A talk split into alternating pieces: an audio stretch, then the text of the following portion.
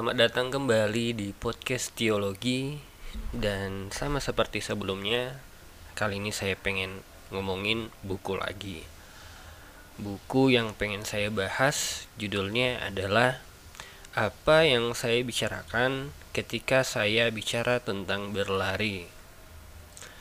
Ini buku karya Haruki Murakami. Teman-teman pasti sudah tidak asing lagi dengan nama novelis Jepang yang tersohor ini. Dia telah banyak menciptakan karya yang dan beberapa kali menjadi kandidat peraih hadiah Nobel sastra, walaupun sampai sekarang ya dia belum sempat memperoleh kehormatan itu.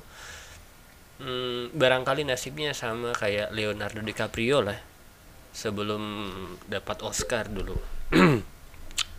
Haruki Murakami eh, dia adalah seorang novelis dan dia senang berlari.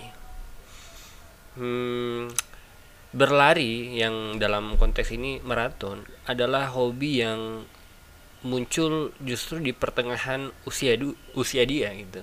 Maksudnya eh, tidak tidak dari masa kecil hobi ini dan hobi ini datang seperti ilham menurut pengakuan dia.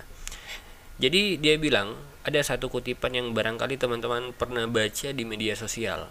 Satu-satunya hal paling penting yang aku pelajari di sekolah, kata Haruki Murakami adalah bahwa tidak ada hal penting yang bisa dipelajari di sekolah.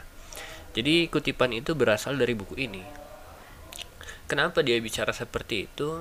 Karena dia menyadari uh, dulu waktu waktu di kelas olahraga dia sangat tidak menyukai aktivitas berlari. Teman-teman perlu tahu, Haruki Murakami ini adalah orang yang introvert abis. Dia senang menghabiskan diri dengan pikiran dia sendiri. Jadi saking pendiam dan saking senang menyendirinya ya. Jadi kan tipikal orang-orang yang biasanya itu tidak menyukai aktivitas fisik. betapa kesal dia ketika dia mungkin lagi rebahan atau mager tapi disuruh berlari oleh guru olahraga dia. Sampai dia kemudian bilang oh ternyata hal yang paling penting yang bisa kita pelajari di sekolah adalah tidak ada hal penting yang bisa kita pelajari di sekolah. E, permainan kata yang cukup klise ya tapi mengena terutama bagi saya yang um, beberapa kali kecewa dengan sistem pendidikan formal saya ketika saya berada di bangku itu kegemaran dia berlari justru muncul ketika dia sudah menikah dan dia merasakan bahwa eh, otot pantatnya itu eh pantatnya itu sangat tepos dan eh, kaki dia itu sangat lemah. Begitu. Dan eh, saya justru melihat kegemaran berlari itu muncul dari entah sebagai metafora atau dia filosofi atau mungkin sebuah ritual bagi Haruki Murakami sebelum dia menulis novelnya. Jadi um, ada satu satu ilustrasi yang menarik saya dapat dari film Rebel in the Rai. Itu film yang berbicara tentang uh, itu film apa ya? Film biografi tentang uh, siapa sih? Salinger. Jadi J.D. Salinger seorang penulis uh, apa Catcher in the Rye. Jadi Catcher in the Rye yang tokoh utama dari novel itu adalah siapa sih? Eh, anak kecil yang song itu. Itu pada mulanya adalah cerita pendek. Jadi dia berubah menjadi novel ketika dipaksa untuk dipaksa oleh guru eh dosen dosen apa ya? Eh, mentor dia ketika masih berkuliah dulu di sebagai mahasiswa sastra. Saat itu Salinger bilang oh tidak. Saya tidak bisa membuat tokoh fiksi ini menjadi tokoh di dunia novel. Saya katanya adalah pelari jangka pendek, kata Salinger. Saya bukan pelari jarak jauh gitu. Jadi di situ ada ilustrasi yang menarik. Cerita pendek itu dianggap sebagai eh, apa ya? gelanggang gelanggang lari dalam apa ya? gelanggang lari jarak pendek bagi seorang penulis. Dan novel itu dianggap sebagai maraton. Novel itu eh, dalam soal ini apalagi saya yang melihat eh, kehidupan novel dari jauh. Novel itu kok kayak sebuah maraton yang harus punya cadangan energi yang sangat banyak harus punya apa ya hmm, ketahanan mental dan daya fisik yang sangat tangguh untuk bisa bertahan berkilo-kilometer jauhnya berlari ya e, dan itu biasanya yang saya tahu juga adalah hal yang jarang dimiliki adalah kemewahan langka yang bisa kita dapati oleh penulis-penulis mengingat kebiasaan seorang penulis itu e, mageran dan rebahan. nah, Haruki Murakami justru menampilkan e, imaji soal kehidupan penulis dengan cara yang lebih sehat. Dia senang berlari dan juga itu ilustratif bagi profesi dia. Berlari apalagi jarak jauh adalah sebuah dia kayak menulis novel menulis novel itu ya jangan-jangan adalah maraton mental gitu karena jarak untuk menulis cerita fiksinya itu yang sangat sangat panjang dan butuh dan saya pikir butuh ketahanan mental yang sangat kuat untuk itu bahkan seorang Gunawan Muhammad seorang uh, salah satu penulis besar Indonesia dia bahkan mengaku tidak tidak sanggup untuk membuat novel. Adapun novel yang akhirnya dia bikin ketika kita baca ya tampaknya lebih persis seperti eh, prosa dan ya itu berhasil. Tapi sepanjang 71 tahun kehidupan Gunawan Muhammad yang menanggung eh, apa namanya eh, julukan sebagai salah satu penulis besar Indonesia dia malah cuma bisa bikin satu novel seumur hidup dia.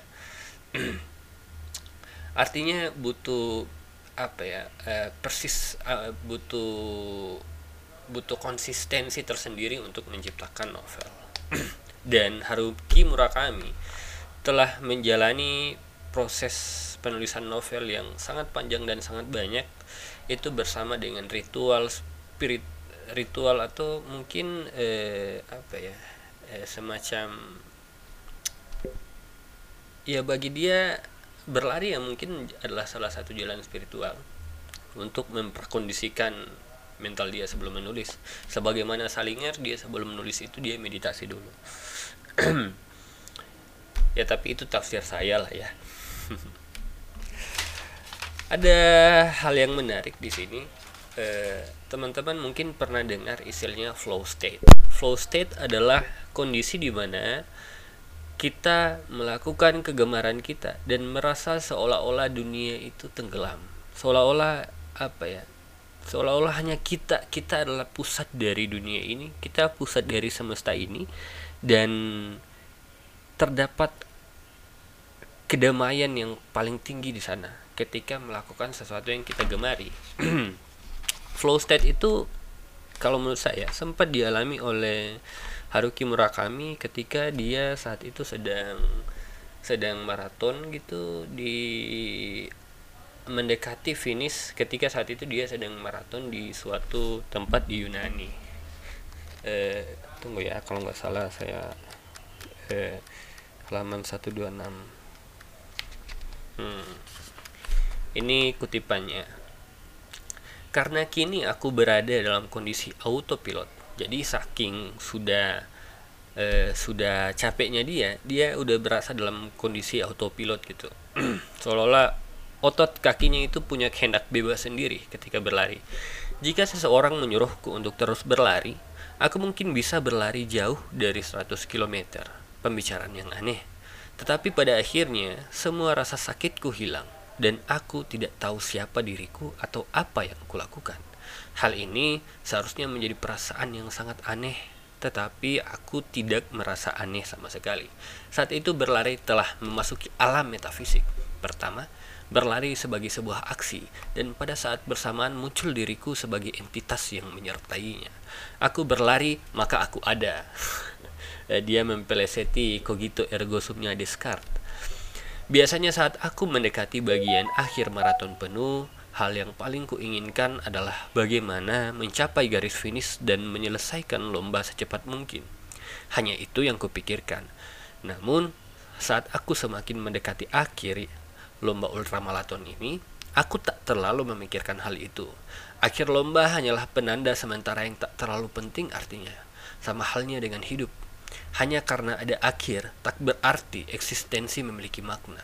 Sebuah titik akhir hanyalah dibuat sebagai penanda sementara atau mungkin sebagai metafora tak langsung dari kefanaan sebuah eksistensi. Hal ini sangat filosofis. Bukan berarti saat itu aku sudah memikirkan seberapa filosofisnya hal ini. Aku hanya mengalami perasaan ini secara samar, bukan dengan kata-kata, melainkan sebagai sensasi fisik. ya itu kurang lebih ya kutipan bahwa eh, Murakami telah mengalami fase di mana oh gue udah nggak peduli lagi. Saya sudah tidak peduli lagi dengan tujuan saya apa. Saya hanya pengen berlari dan itu satu-satunya kenikmatan dan kemewahan yang saya punya. Itu disebut dengan flow state. Mungkin teman-teman pernah mengalami. Kalau saya mungkin ketika lagi membaca buku atau lagi menulis ya atau teman-teman mungkin ada yang suka hobi musik teman-teman merasakan sensasi aneh itu ketika lagi memainkan musik mungkin ketika lagi nyanyi atau ketika lagi berdansa dan banyak lagi. Satu hal yang menarik lagi soal buku ini adalah ketika Murakami berbicara tentang otot. Haruki Murakami bilang bahwa otot itu seperti binatang pekerja yang cepat berlari dan sebagai binatang eh eh maksudnya otot adalah binatang pekerja yang cepat belajar maksud saya. Jadi otot manusia ini seolah-olah apa ya, terlepas dari kesadaran kita. Tapi sebagai binatang sebagai hewan dia bisa kita taklukkan atau di sisi lain dia bisa membuat kita kesusahan dan sebagaimana hal kedua ini membuat Haruki Murakami menyadari bahwa dia harus mulai melatih otot dia karena dia gampang capek dan eh, ya eh, pantatnya sangat tepol saat itu dan dia apa ya eh, dia melihat kaki dia itu seperti ranting kayu yang nyaris patah. dia menyadari bahwa eh, tubuh itu perlu dilatih maka saat itu Haruki Murakami berpikir wah saya akan e, menaklukkan akan saya jinakan binatang di tubuh saya ini. Da dalam artian akan saya jinakan otot-otot ini. Pada awalnya memang tidak mudah. Apalagi e, ketika Murakami dengan rutin menjalani aktivitas dia sebagai di, jadi dia rajin mengikuti lomba-lomba maraton ya.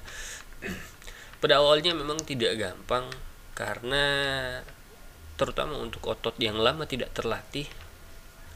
Kita itu seperti setiap hari berusaha untuk uh, memberikan beban rasa sakit kepada otot yang otot yang binatang yang sudah mengira ah oh, aku sudah bisa hidup nyaman nih tidak perlu bekerja capek-capek.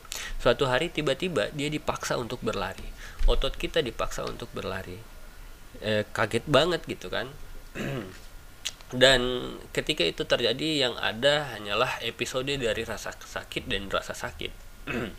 Di sini kita melihat e, cara berpikir Haruki Murakami yang e, yang saya pikir ya agak dekat dengan Mark Manson yang mengagungkan rasa sakit. Bukan berarti kita adalah orang yang pesimis atau nihilis seperti kata Nietzsche yang Nietzsche yang senang pakai cambuk itu. Tapi rasa sakit sebenarnya penting untuk membuat kita lebih siap menanggung rasa sakit yang lebih besar lagi. Nah, itu maksud dia.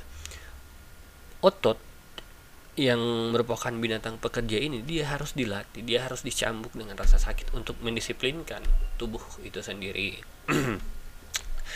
Dan itu harusnya merupakan sebuah proses yang bertahap. Kayak misalnya kita tidak mungkin bisa menanggung eh, apa namanya kita tidak bisa e, berupaya lari maraton. Kalau misalnya kita tidak melatih otot kita untuk berlari dalam dalam apa berlari dalam jarak yang pendek dulu gitu. semua ada ada prosesnya. Lalu saya pikir uh, barangkali emosi manusia pun seperti itu.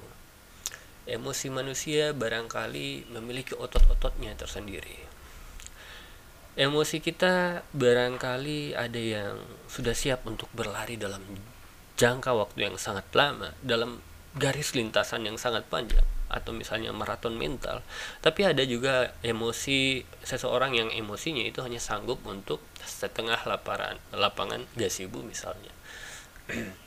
Dan cara terbaik untuk melatih kematangan seseorang untuk tumbuh dewasa adalah dengan e, menerima episode-episode rasa sakit atau menyicil dia atau melatih kita memahami dan menanggung rasa sakit itu satu persatu perlahan perlahan tuh. Terkadang memang ya rasa sakit itu penting. Dan di sini eh, kita akan menemukan mantra dari Haruki Murakami yang dia sempat ngobrol dengan teman dia. Jadi ketika teman dia itu sudah capek lari lari selalu ada mantra yang membuat dia bangkit dan kuat dan percaya bahwa dia bisa sampai ke akhir eh, akhir apa namanya akhir lari itu adalah rasa sakit itu pasti kata dia. Tapi penderitaan itu pilihan. Sakit itu pasti. Penderitaan itu pilihan. Itu mantra yang kemudian diikut diyakini juga oleh Haruki Murakami bahwa rasa sakit ketika dia berlari, rasa sakit ketika dia menulis novel, rasa sakit kita ketika kita uh, menyadari bahwa dunia ini pahit semacam uh, Amor Fati Fatum Protum Nietzsche hidup ini pahit eh takdir ini pahit memang. Tapi eh, sepahit-pahitnya takdir dan sesakit-sakitnya hidup bahkan kita lahir dalam kondisi menangis kan tidak eh, ketawa ketiwi gitu penderitaan tetap saja adalah pilihan. Dan ketika kita bisa memilih menderita atau tidak Nietzsche berkata amor fati cintailah hidup begitu. Um, terutama itu ya misalnya teman-teman yang pernah merasakan uh, trauma mental saya juga baru-baru ini merasakan hal yang sama. Uh, itu menyakitkan tapi penderitaan itu ya sekali lagi adalah pilihan.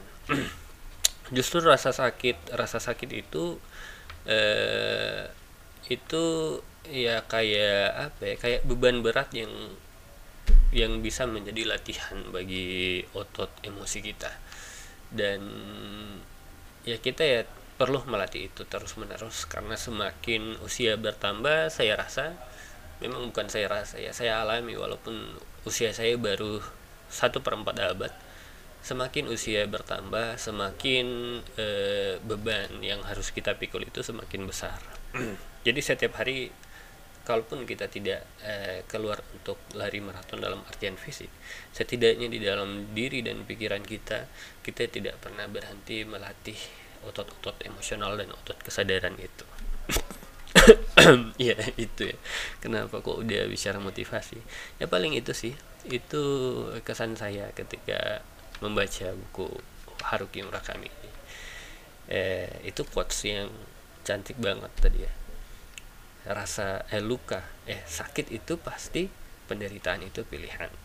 Jadi teman-teman saya tidak tahu saat ini teman-teman itu sedang merasakan sakit dalam versi yang bagaimana tapi kalau teman-teman memilih menderita barangkali teman-teman harus mempertimbangkan kembali apakah pilihan itu sudah tepat atau tidak Ya sekian dari saya, sampai jumpa di podcast teologi yang akan datang di lain waktu ya.